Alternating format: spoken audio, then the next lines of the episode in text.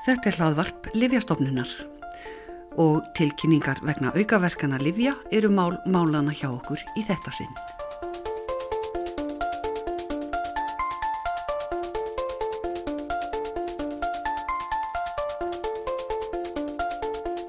Hefur þið fundið fyrir aukaverkunum við notkun Livja eða heldur þau að notkun Livs hafi valdið aukaverkun? Því það er nóg að grunur sé um aukaverkun til að tilkynna slíkt.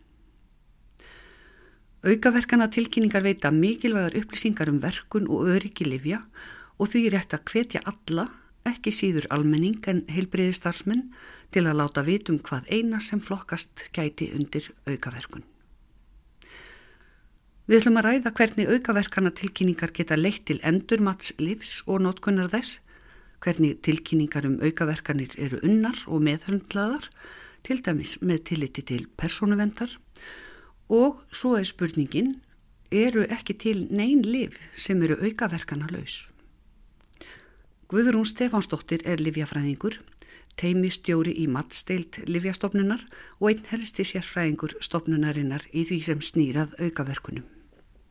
Og fyrst þetta, akkurju er mikilvægt að tilkynna um aukaverkanir? Já, það er mjög mikilvægt að tilkynna um uh, grun um aukaverkanir livja fyrst eftir að þau koma á markað vegna þess að þegar lifin eru rannsökuð í klíniskum rannsóknum áður en þau koma á markað þá eru þau rannsökuð í um, takmörkuðu þýði um, 3-5 þúsund mann cirka og þar leðandi er erfiðar að finna sjálfgefar aukaverkanir. Uh, einnig er, er erfitt að finna langtíma aukaverkanir sem koma eftir uh, langa notkun livsins í þessum klínisku rannsóknum. Og svo eru það ákveðin sjúklingahópar sem eru ekki í miklu mæli í klínuska rannsóknum. Og þá eru við til dæmis að tala um aldraða einstaklinga, uh, börn, um, veikari sjúklingar, sjúklingar sem eru með aðra sjúkdóma og á, ákveðinum livjum til dæmis. Og, um, og svo er það auðvitað sagt um, á meðgöngu og, og í börnum og þetta eru upplýsingar sem er reynd að sapna eftir að lifi kemur á markað. Þannig að, það, að þetta eru hópa sem eru kannski aldrei inni í, í þessum klínisku prófunum, börn og, og konur, þungaða konur. Nei, þungaða konur eru ekki í klíniskum rannsóknum og, og það eru upplýsingar sem er bara sapna eftir því sem við uh, fáum betri þekkingu á notkun livsins Um, það eru gerðar klíniska rannsóknir í börnum en það eru oft mjög smáar í sniðum og í ákveðnum sjúklingahópum og undir ströngu eftirliti. Þannig að það er kannski sérstaklega mikilvægt í, í þessum tilvikum að, að kynna, tilkynna um aukaverkun lífs eða grunum aukaverkun. Já, það er mjög mikilvægt sem við fáum upplýsingar í þessum sjúklingahópum. Uh, hvaða upplýsingar veita svona aukaverkana tilkynningar? Hvað, hvað, hvernig er unni með þetta? Það koma fram ymsar upplýsingar í aukaverkana tilkynningunum og oft eru þessa tilkynningar fyrsta vísbendingin um aukaverkun sem tengist lifinu og þannig er við að fá inn mjög góðar upplýsingar um uh, hvaða lif að nota, hvort sjúklingur hafi tekið önnu lif og það endur spekla þannig svona almenna notkun á lifin út í samfélaginu. En það er nógu að þetta sé grunur að, hérna, að, um, um aukaverkanir? Já, það er nógu að það sé grunur. Það þarf alls ekki að vera staðfesting á því aukaverkunni tengist lifinu og það eru sérfræðingar hjá Livjastofnun og í samstarfi við Livjastofnanir í Evrópu sem sjá svo um að meta orsakatengslinn á milli. Þetta, þannig að það er farið yfir þetta allt og, og sérfræðingar hér og það, út í Evrópu þeir grannskoða þetta og meta hvað gæti verið aukaverkunum, hvað ekki. Já, þetta er allt grannskoðað og, og metið af sérfræðingum hvort þetta tengist lífinu. Og hvernig er þetta svo unnið? Ef, ef þetta reynist nú vera, er metið sem aukaverkun, hvað, hvað gerist þá næst? Jú, þegar það er búið að finna tengsla millir ákveðnar aukaverkunar og livs, þá er farið það að meta uh, hvers, hverjar eru afleggingarnar af þessari aukaverkun og hvernig miðlu við þessum upplýsingum áfram bæði til helbriðstarfsmanna og sjúklinga og, og jafnvel aðstandenda þeirra. Í sumin tilfellum þá uppfæru við fylgiseðlinn og samantækt og einlegum livs og bætum við þessu nýju upplýsingum þar. En svo geta verið alveglegri tilfelli sem geti þurft að senda svo kallir læknabrif, Dear Healthcare Professional Letters, til þess að láta lækna og aðra helbriðstarfsmenn vita sem fyrst uh, af þessari nýju þekkingu og nýri aukaverkun sem er búið að finna og í sumin tilfellum geti þurft að grípa til annar aðgerða. Við erum með uh, fræðsluefni fyrir sumlif til þess að beina livjanótkunni í ákveðin sjúklingahóp eða til þess að sjá til þess að, að gjöf livsins sé samkvæmt upplýsingum í samantækt og einleikum livs. Og svo getur auðvitað farið svo að við þrengjum ábendinguna þar ákveðin sjúklingahópar sem eiga ekki nota lifið eða lif er jafnvel tekið að markaði ef það eru mjög alvarlega raukaverkanir. Þannig að, að, að það getur gæst að, að leiðbynningarna síðu þær að þetta passi sumum uh, hópum sjúklinga og öðrum ekki eða jafnvel tekið að markaði. Já, það getur verið. Það getur til dæmis verið um, að sjúklinga með ákveðna sjúkdóma eða ákveðnu livjum ættu ekki að nota lifið og uh, já, hvað þú segir alvarlegar aukaverkanir, hvernig eru alvarlegar aukaverkanir skilgreindar? Já, það er ákveðin uh, skilgreining sem er notið til að meta hvort aukaverkun sé alvarleg. Og það er þó auðvitað ef það er döðsfall eða lífsættulegt ástand hjá sjúklingi, uh, sjúkrahúsvist eða framlenging á sjúkrahúsvist í þeim tilfellin sem líf hefur verið notað á spítala. Og svo er fóstur skaði eða aðrir þættir sem teljast vera klínist mjög mikilvægir í sambandi við aukaverkununa. En þetta með ef að, ef að þetta er ekki það alvarlegt að sé ástæði til að taka lífið að markaði, þá eru sérfræðingar alltaf að meta sagt, hvort að ávinningurinn af notkun lífsins sé meiri heldur en áhættan af því. Já, það er rauninni það sem þetta snýst alltaf um, að skoða hver er verkun livsins og hver er ábættin fyrir sjúklingana borið saman við hvaða aukaverkanu getur hlotist af lifinu og hvaða tíðni er á þessum aukaverkanum. Er það alvarlegar og algengar eða er þetta mildar aukaverkanu sem koma sjaldan fram og svo er þetta allt þar á milli. En svo eru ákveðin liv sem eh, eru undir sérstöku eftirliti og eru mert svörtum þrýhinningi. Hvað táknar þessi þrýhinningur? Já, svarti þrýhjörningurinn, hann merkir það að lifsi undir sérstöku eftirliti vegna þess að það er mikilvægt að sapna sem mestum upplýsingum um öryggi lifsins og ekki vegna þess að við teljum að lifið sé hættulegt, heldur vegna þess að við teljum okkur vandi frekari upplýsingar. Og þetta á til dæmis við um lif sem eru nýkomin á markað og uh, lif þar sem einhver ákveðnar rannsóknar öryggi lifsins eru framkvæmdar. Eh, lífteknilif og líftekniliðstæðilif þau eru mert svörstum þrýhjörningi og þá tilkynna um grun um allar aukaverkan tengda þessum lifjum. Já, vel þó að það tælist já, smávægilegar hugsanlega. Já, jáfnvel þær. En uh, svo er það, ef maður tekur mörglif samtímis og þarf á, slíku að halda, eru meiri líkur á að aukaverkan er komið fram við slíkt svona fjöllifja notkun?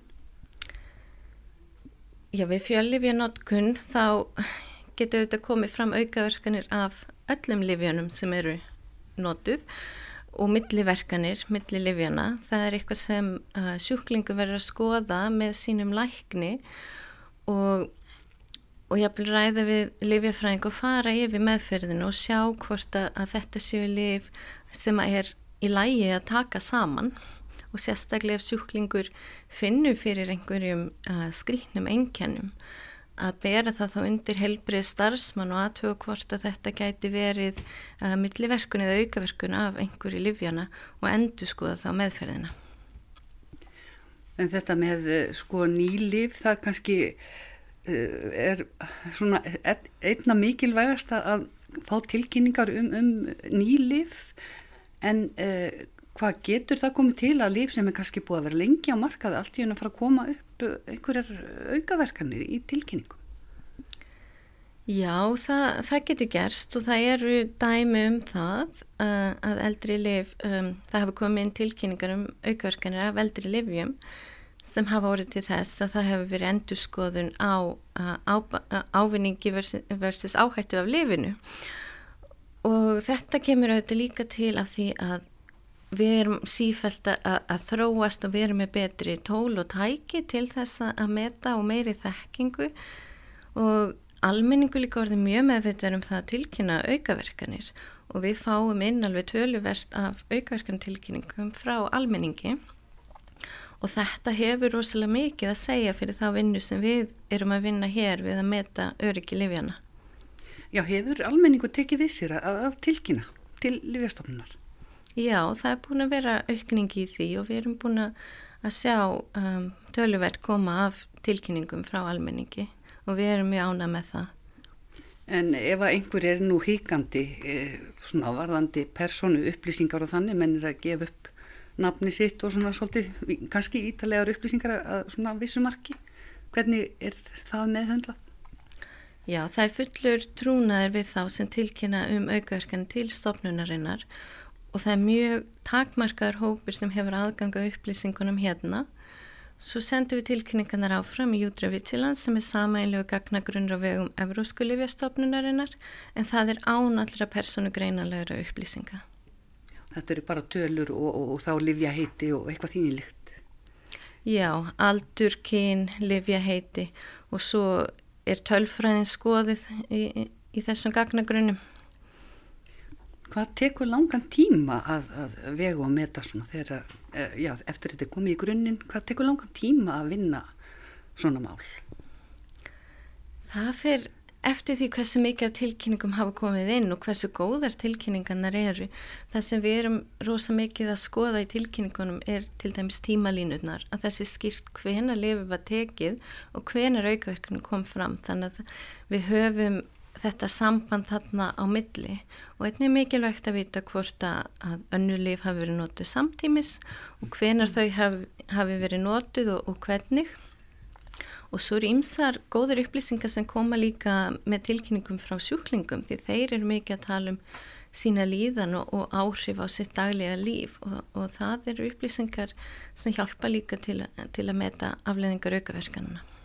Já, menn hafa tækjafæri til að, að, að lýsa þessu daldi nánar. Já, það eru ákveðnur upplýsingar sem við viljum fá inn sem eru í, í stjórnumertum reytum í, í vefeiðublaðin okkar en svo er hægt að bæta við viðbútur upplýsingum. Og það er, það er skipta líka miklu máli? Já, þær gera það.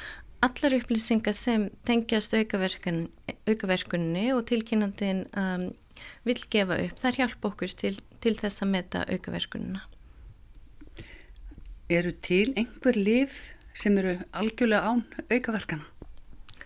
Nei, um, það er almennt hannig að öll lif geta valdið einhverjum aukaverkunum í einhverjum sjúklingum.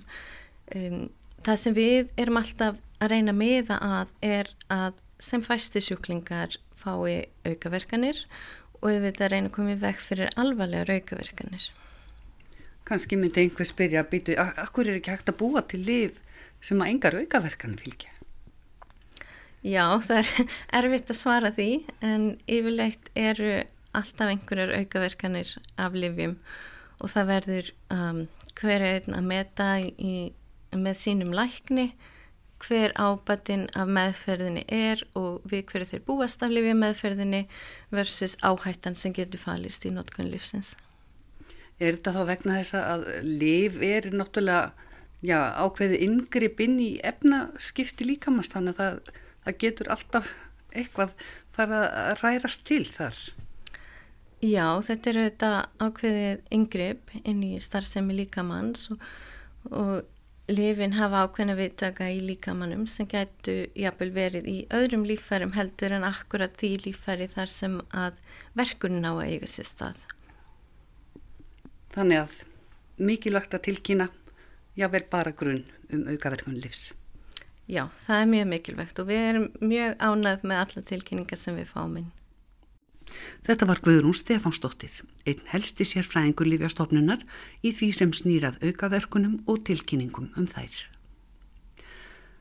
Leiðin til að tilkynna aukaverkanir og rétt að minna það sem Guðrún sagði að tilkynningar frá notendum Livjana eru ekki síður mikilvægar en frá heilbreyðistarfólki.